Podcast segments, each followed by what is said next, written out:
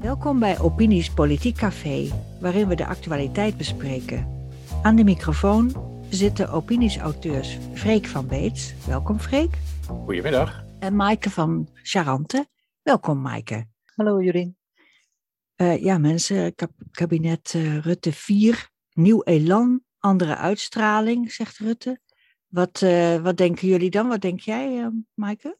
Ja, dan denk ik vooral, hij heeft een hoop mooie woorden weer overgenomen en hij waait met de nieuwe winden mee. Hij heeft het nu over macht en tegenmacht, hoewel al niet meer zoveel als begin dit jaar, maar toch.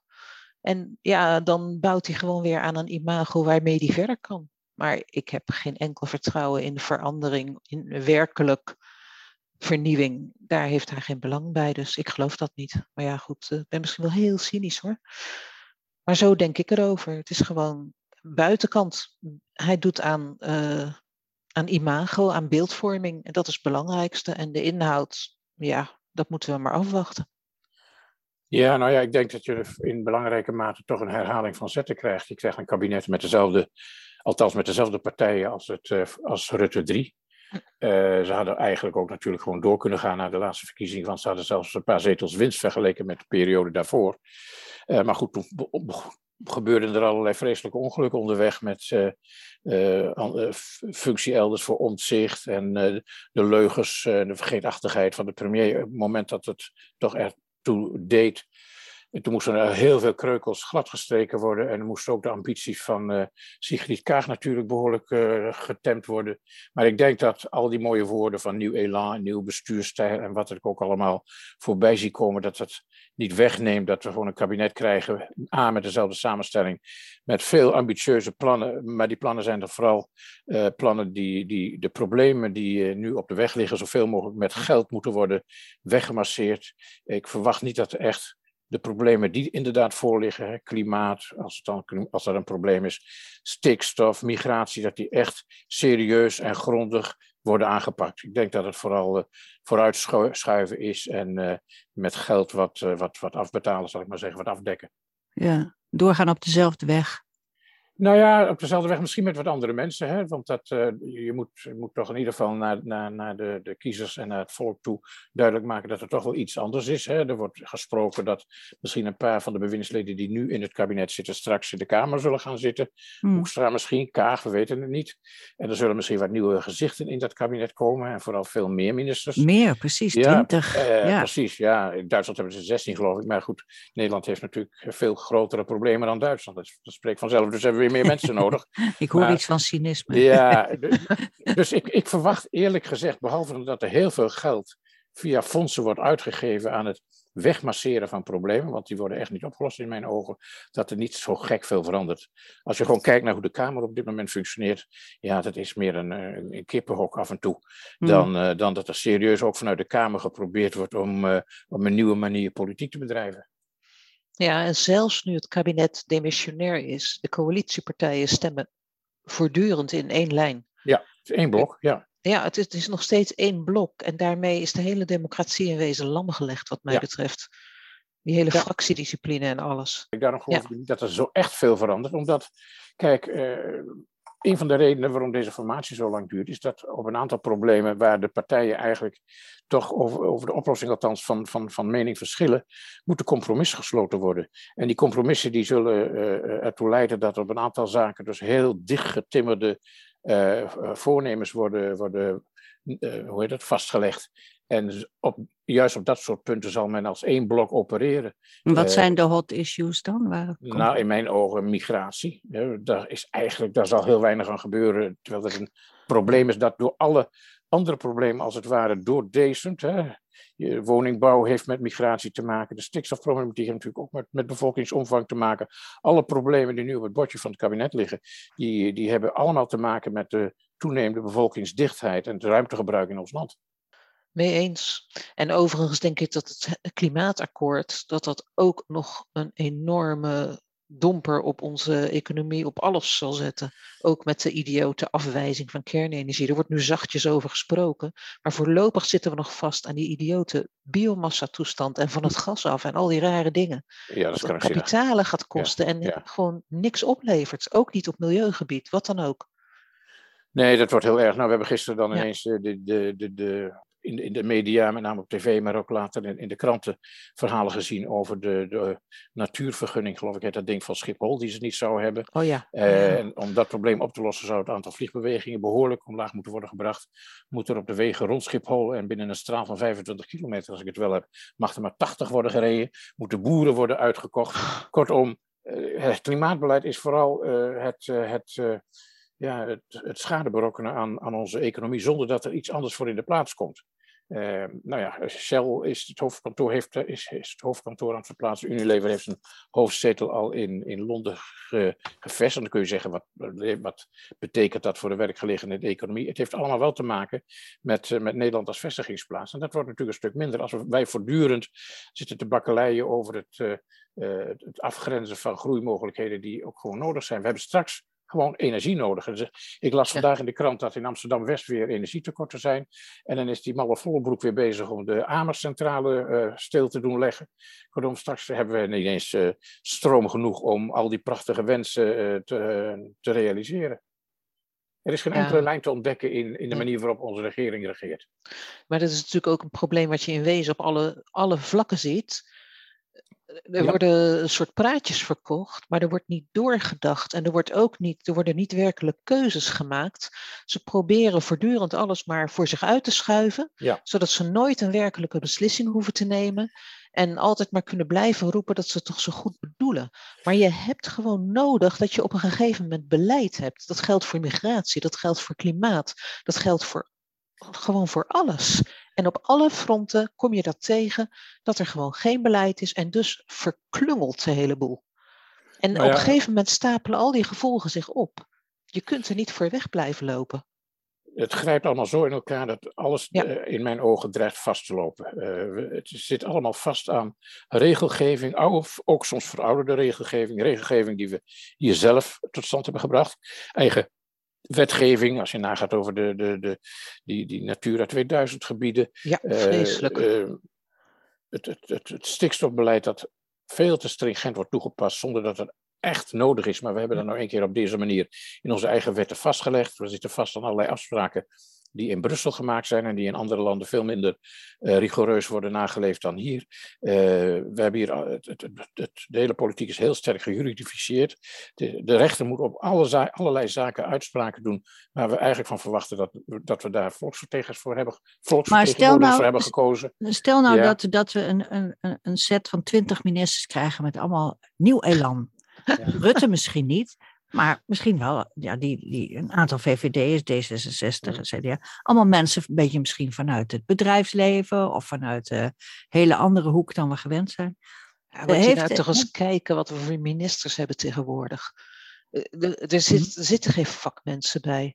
Het zijn baantjesjagers. Heel, 9 van de 10 keer zijn het baantjesjagers. Die er zitten omdat ze brave partijgenoten zijn of zo. Ja, of ambtenaren, ja, sorry, hoor, veel, ex-ambtenaren. Heel veel ex-ambtenaren. Ja. Het is gewoon, daar zitten geen leiders. Daar zitten geen mensen met een idee over hoe het beleid zou moeten. Dat hm. zijn een soort, ja, spreekpoppen, hoe moet ik het noemen? Nou ja, ja wat, wat, je, wat, je, wat je heel erg ziet is uh, ja, wat, uh, dat je een soort kartelvorming krijgt, zoals sommige politici dat noemen.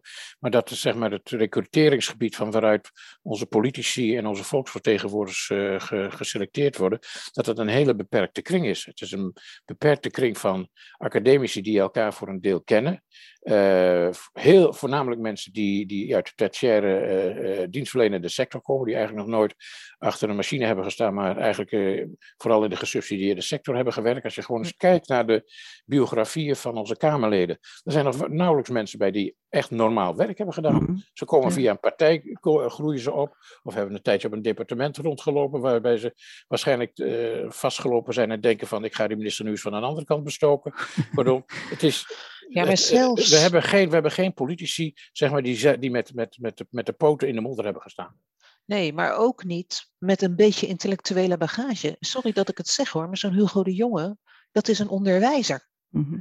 En die ja, heeft... ik, ik, ik, ik, heb niks tegen onderwijzers hoor, maar... Nee, maar ik bedoel, hij heeft gewoon niet... Hij, hij, hij doet een ongelooflijk zware portefeuille. En waarom, doet, waarom is hij minister? Omdat hij een leuke presentatie heeft, een leuke babbel heeft, dingen kan verkopen. Ik hoef Hugo de Jonge hier niet te verdedigen, maar hij heeft natuurlijk toch, eh, in Rotterdam heeft hij, is hij toch wethouder geweest. Dat schijnt hij heel goed te hebben gedaan. Dus hij heeft wel politieke ervaring. Uh, en ik hoef, ik hoef niet per se intellectuelen als, uh, in de politiek te hebben hoor. We hebben in het verleden hoogleraren gehad die er ook niks van bakten. Uh, kortom, daar ben ik heel erg voorzichtig mee. Het moeten mensen zijn die in ieder geval de maatschappij goed kennen. En ja, ook verstand het, van zaken. die verstand, ja, dat, dat ook. Maar ja, politici zijn vooral politici. Hè? Ze moeten het politieke ambt ook goed kunnen. Uh, en ze moeten, ja, ze moeten, een, een, een, ja, ze moeten wel, wel hoe zeg dat, een, wat intellectuele bagage meenemen, ja, uiteraard. Ja. Wanneer zou Rutte 4 van jullie uh, het voordeel van de twijfel krijgen? Uh, oh, als er een serieus werk werd gemaakt, bijvoorbeeld van transparantie. Ze hebben van alles beloofd van wat er allemaal niet transparant zou worden en hoe de informatie naar de Kamer verbeterd zou worden en weet ja. ik wat allemaal. dit is een kabinet, als dit kabinet er inderdaad komt, en die kans is natuurlijk heel groot, dan wordt dat een kabinet van zorg dat alle onderste stenen onder blijven. Want mm. dit is gewoon, zij willen voortbreien op hun oude dingetjes en ze hebben dan zo hun hobby's misschien, maar ze hebben niet dat ze zeggen van we gaan nu eens echte problemen aanpakken. Ik, ik vond het bijvoorbeeld heel schandalig toen dat hele grondige en moedige rapport van Van de Beek en, uh, en zijn, uh, zijn uh, medewerkers kwam over, de, over het immigratiebeleid, dat is gewoon niet opgepakt. Nee. nee. Terwijl ik nee, denk, dat was hè? nou een ja. analyse van het probleem. Ja. En dat maakt ze nou duidelijk dat we keuzes moeten maken. Het wordt gewoon genegeerd. Ja, maar vergeet niet de macht van de bureaucratie, de vierde macht. Ja. Het ambtelijk apparaat heeft ook zelf belangen bij dat bepaalde dossiers wel of niet behandeld gaan worden. Ja. Uh, en de minister is zo machtig, of hij, of hij in staat is om het ambtelijke apparaat naar zijn wil en zijn wensen te, te masseren. Nou, we hebben toch ook dat wel is vaak de, heel moeilijk. De Rutte-doctrine, ja. dat is toch wel een term van de afgelopen tijd. Dat kwam ja. toch niet uit de ambtenarij.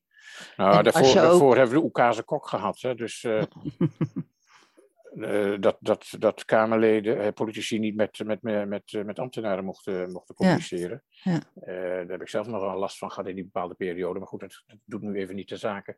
Maar heel veel problemen zullen ook niet kunnen worden opgelost, omdat het, het ambtelijk apparaat ook belangen heeft bij de manier waarop tegen die problemen wordt aangekeken en de wijze waarop die problemen al dan niet worden opgelost. Het is niet voor niks dat nu allerlei juristen gaan vertellen wat er wel of niet kan op het gebied van Schiphol. Dus ik heb nog geen enkele jurist gehoord die met het voorstel kwam, zullen we bepaalde regels nog eens tegen het licht houden, omdat misschien de omstandigheden sinds die wetten tot stand zijn gekomen zijn gewijzigd. Dat hoor je niet. Mm-hmm. Is dat ook wat jij bedoelt, uh, ja. uh, Maaike, met het verstand van zaken? Ja, ik denk wel dat in de Kijk, het is wel zo dat tegenwoordig moeten die topambtenaren roleren. Maar in feite zit daar natuurlijk wel heel wat meer kennis dan bij de politici. Dus de minister is altijd uh, in het nadeel. Mm-hmm. Aan de andere kant, ik moest denken aan uh, die gelekte kabinetsnotulen. Hè? Mm-hmm. Daar uh, spraken, sprak de voltallige ministerraad, waar trouwens ook Rutte, Kaag en Hoekstra bij zaten die bespraken met elkaar hoe ze de Kamer informatie konden onthouden. En wat was hun motivatie? Dat was om die ambtenaren te beschermen die zo zwaar de fout in waren gegaan. En dan denk ik, het, het ligt niet alleen aan die ambtenaren, het ligt ook aan bewindslieden die gewoon niet willen dat ambtenaren verantwoordelijk worden gehouden, zelfs niet als crimineel gedrag vertonen. Dat waren dezelfde ambtenaren waartegen later de staatssecretarissen, of ik weet niet meer wie dat was, Menno Snel zelf, nee, zijn opvolger volgens mij, die hebben daar aanklachten tegen ingediend. Ja. Strafrechtelijke aanklachten. Mm-hmm. Maar om die ambtenaren te beschermen, werd informatie voor de Kamer achtergehouden. Dat deed de ministerraad. Ja. En dan denk ik, het is niet alleen de ambtenarij, het, is, het is, zit ontzettend met elkaar verweven. En ik vind het trouwens, als je bedenkt dat Rutte, Kaag en Hoekstra er alle drie zaten en alle drie samen zworen, zou je kunnen zeggen, om de Kamer te bedriegen en de grondwet te schenden in wezen, dan is het toch wel ongelooflijk hoe ze daarmee wegkomen. Ja, dat, maar dat ze straks gewoon weer. Ze zijn nog steeds lijsttrekker gebleven. Ze zitten straks weer in een nieuw kabinet. Het is niet te geloven. Ja, nou ja, ik, ik kan me er nog wel iets bij voorstellen. Ambtenaren zijn natuurlijk dienaren van de ministers. En de ministers hebben ook de plicht om ambtenaren in bescherming te nemen, omdat ze de ambtenaren zich formeel niet kunnen verdedigen.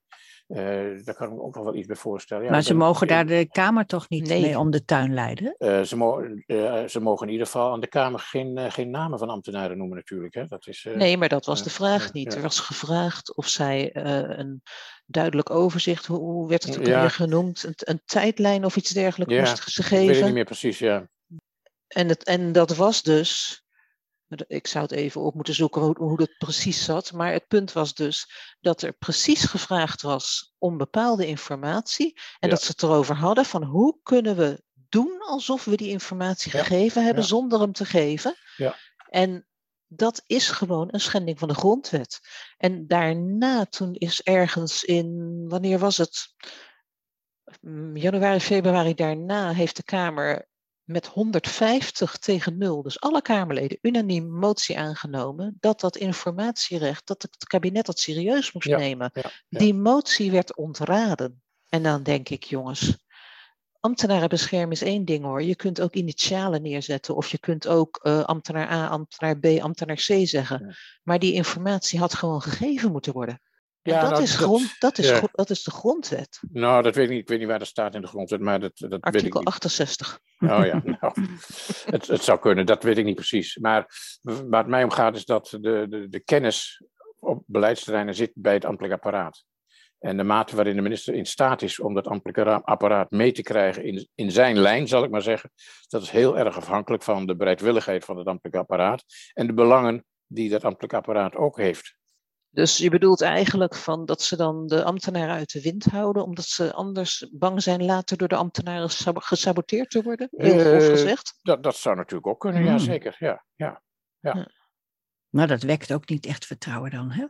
Nou, kijk, Nederlandse ambtenaren, ik heb, ik heb, er wel eens, uh, ik heb nog wel eens een paar columns over geschreven, zijn in beginsel heel loyaal aan hun, aan hun minister en hun staatssecretaris, tot het moment waarop ze het gevoel hebben dat ze, dat ze niet, niet, niet meer veilig zijn, zal ik maar zeggen. Ja, maar is er niet ook dat er op een gegeven moment toch in, de ministeries, in sommige ministeries, een soort tendens ontstaan is dat de ambtenaren zelf ook een politieke mening hadden en dan als ze een minister hadden van dezelfde kleur, dat ze meer steunend waren dan bij een minister van een oh andere oh, ja. kleur. Ja, ja, ja. ja. Nee, dat komt zeker voor de politieke voorkeuren van ambtenaren, met name de ambtelijke top, speelt ook een rol. Ja, ja en dat vind ik heel kwalijk, want die mensen zijn niet gekozen. Nee, precies. Nee, nou ja, uh, niet, niet door ons in ieder geval. Nee, ik bedoel, ze zijn geen volksvertegenwoordigers. Nee, nee, nee, nee. nee, Hoe lang denken jullie dat het kabinet uh, zal blijven zitten? Wat verwachten jullie? Ik ben een pessimist. Ik denk de volledige tijd, want ze zullen zich aan elkaar vastklampen als drenkelingen. Want ze weten dat als er nieuwe verkiezingen komen, dat, tenminste dat geldt voor CDA en D66, die gaan hopeloos onderuit. En Mark Rutte, die heeft er gewoon belang mogelijk weer minister-president te zijn. Nou, de enige dissonant kan de ChristenUnie zijn, maar gezien hun gedrag van het afgelopen jaar verwacht ik daar niks van. Hm. Nee, ik, denk, ik ben het wel met Maaike eens. Ze zullen al het mogelijke doen om uh, elkaar de handen vast te blijven houden. Maar er, er is ook heel veel dynamiet. Hè? Uh, juist in die, ja. uh, in die compromissen die gesloten zijn op een aantal van die vitale terreinen, kan het nog wel eens misgaan. Vooral ook omdat de achterban van die partijen soms heel andere wensen heeft. Ja, jij noemde net immigratie. Hè? Als, als, ja, als zeker. Immigratie, maar ook het stikstofdossier. Dat hangt toch ook van heel veel aannames en veronderstellingen en modellen aan elkaar. er hoeft maar iemand op een sterke manier daar een bres in te schieten en, en, en het, het zootje gaat vallen. En het klimaatbeleid, ja. Uh, ik moet nog zien als, we, als de, de, de, de verwachte strenge winter, we moeten het allemaal nog afwachten natuurlijk, als ja. die komt in, met de huidige, uh, um, hoe zeg je, gevoelige energievoorziening, wil ik nog wel eens zien hoe, hoe, we, hier de, hoe we in het voorjaar tegen de klimaatverandering aan zullen kijken. Ja. Kijk, als er nu al energietekorten zijn in Amsterdam, ja. Uh, en dan is, die, uh, dan is die, uh, dat datacenter van Facebook nog niet eens gebouwd, zal ik maar zeggen. Dat zijn Mhm. enorme energievreters. En als mafketels, het is een vervelend woord, maar als Vollebroek zijn zin krijgt, dan gaan er energiecentrales misschien nog verder dicht. We hebben nu al een kolencentrale op de Maasvlakte. Die moet ja. dichtgaan omdat het 1% in de uitstoot scheelt. Uh, Gebouwd in 2015, ja, over ja, weggegooid geld gesproken. Ja, En de AMA-centrale die is voor een, die voor een belangrijk deel de kolenverbranding afgeschaft en is overgegaan op houtpellets. Want dat is zo vreselijk duurzaam. Maar als ook dat soort centrales straks allemaal dicht moeten, omdat onze wetgeving zo dichtgetimmerd is dat, dat niemand er meer wijs uit kan worden, dan hebben we straks wel een probleem. Ja. En dan heb ik nog niet eens over wat Poetin gaat doen eh, rond Oekraïne en de gaskraan naar West-Europa. Ja.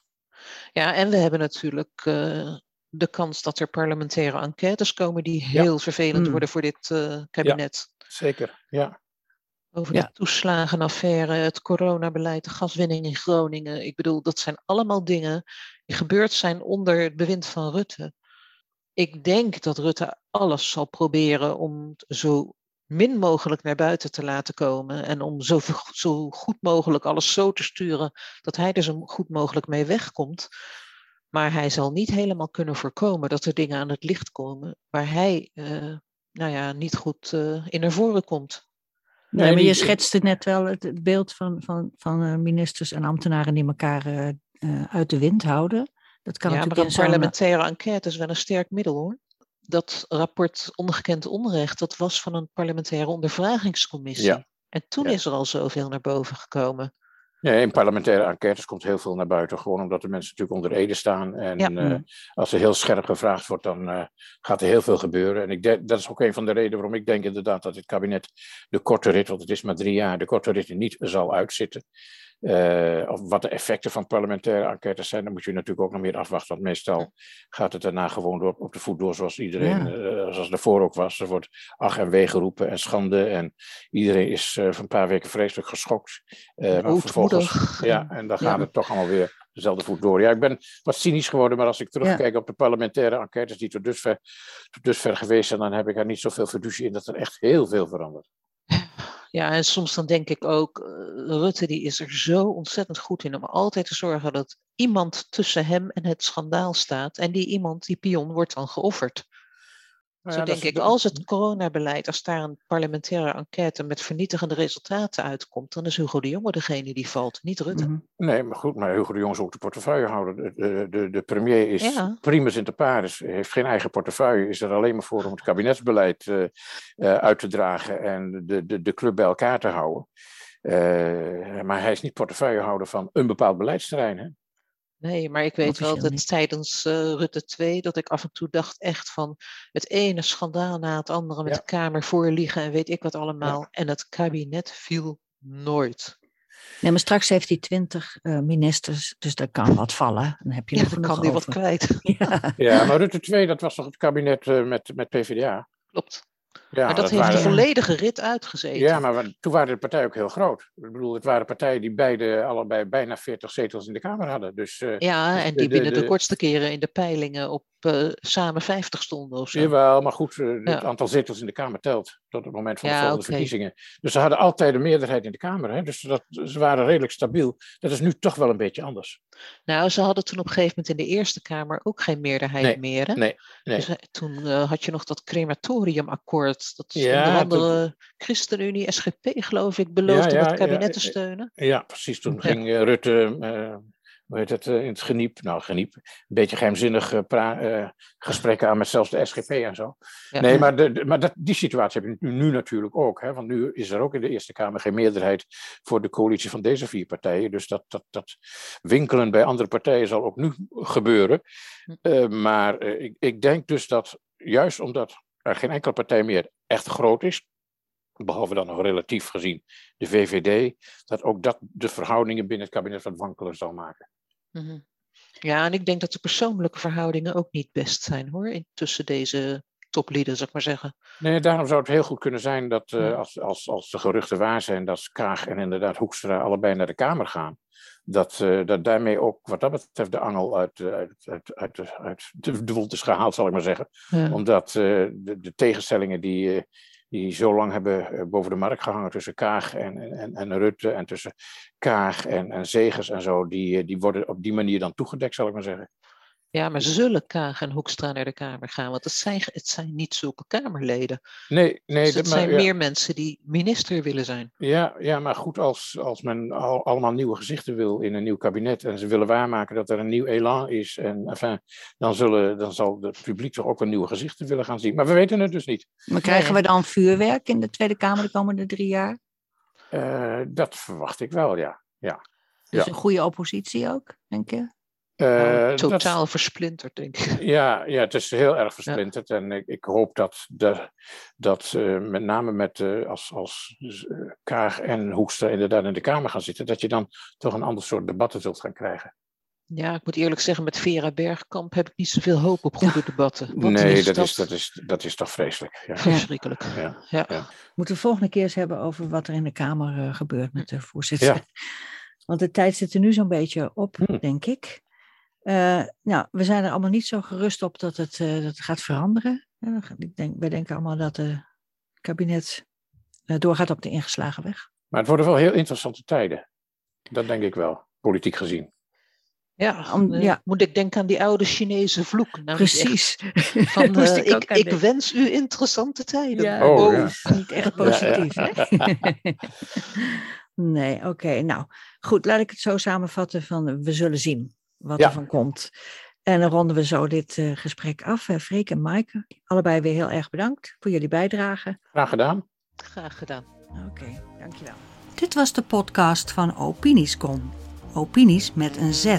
Voor de nieuwste bijdragen en columns over politiek en maatschappij in binnen- en buitenland. Het is helemaal gratis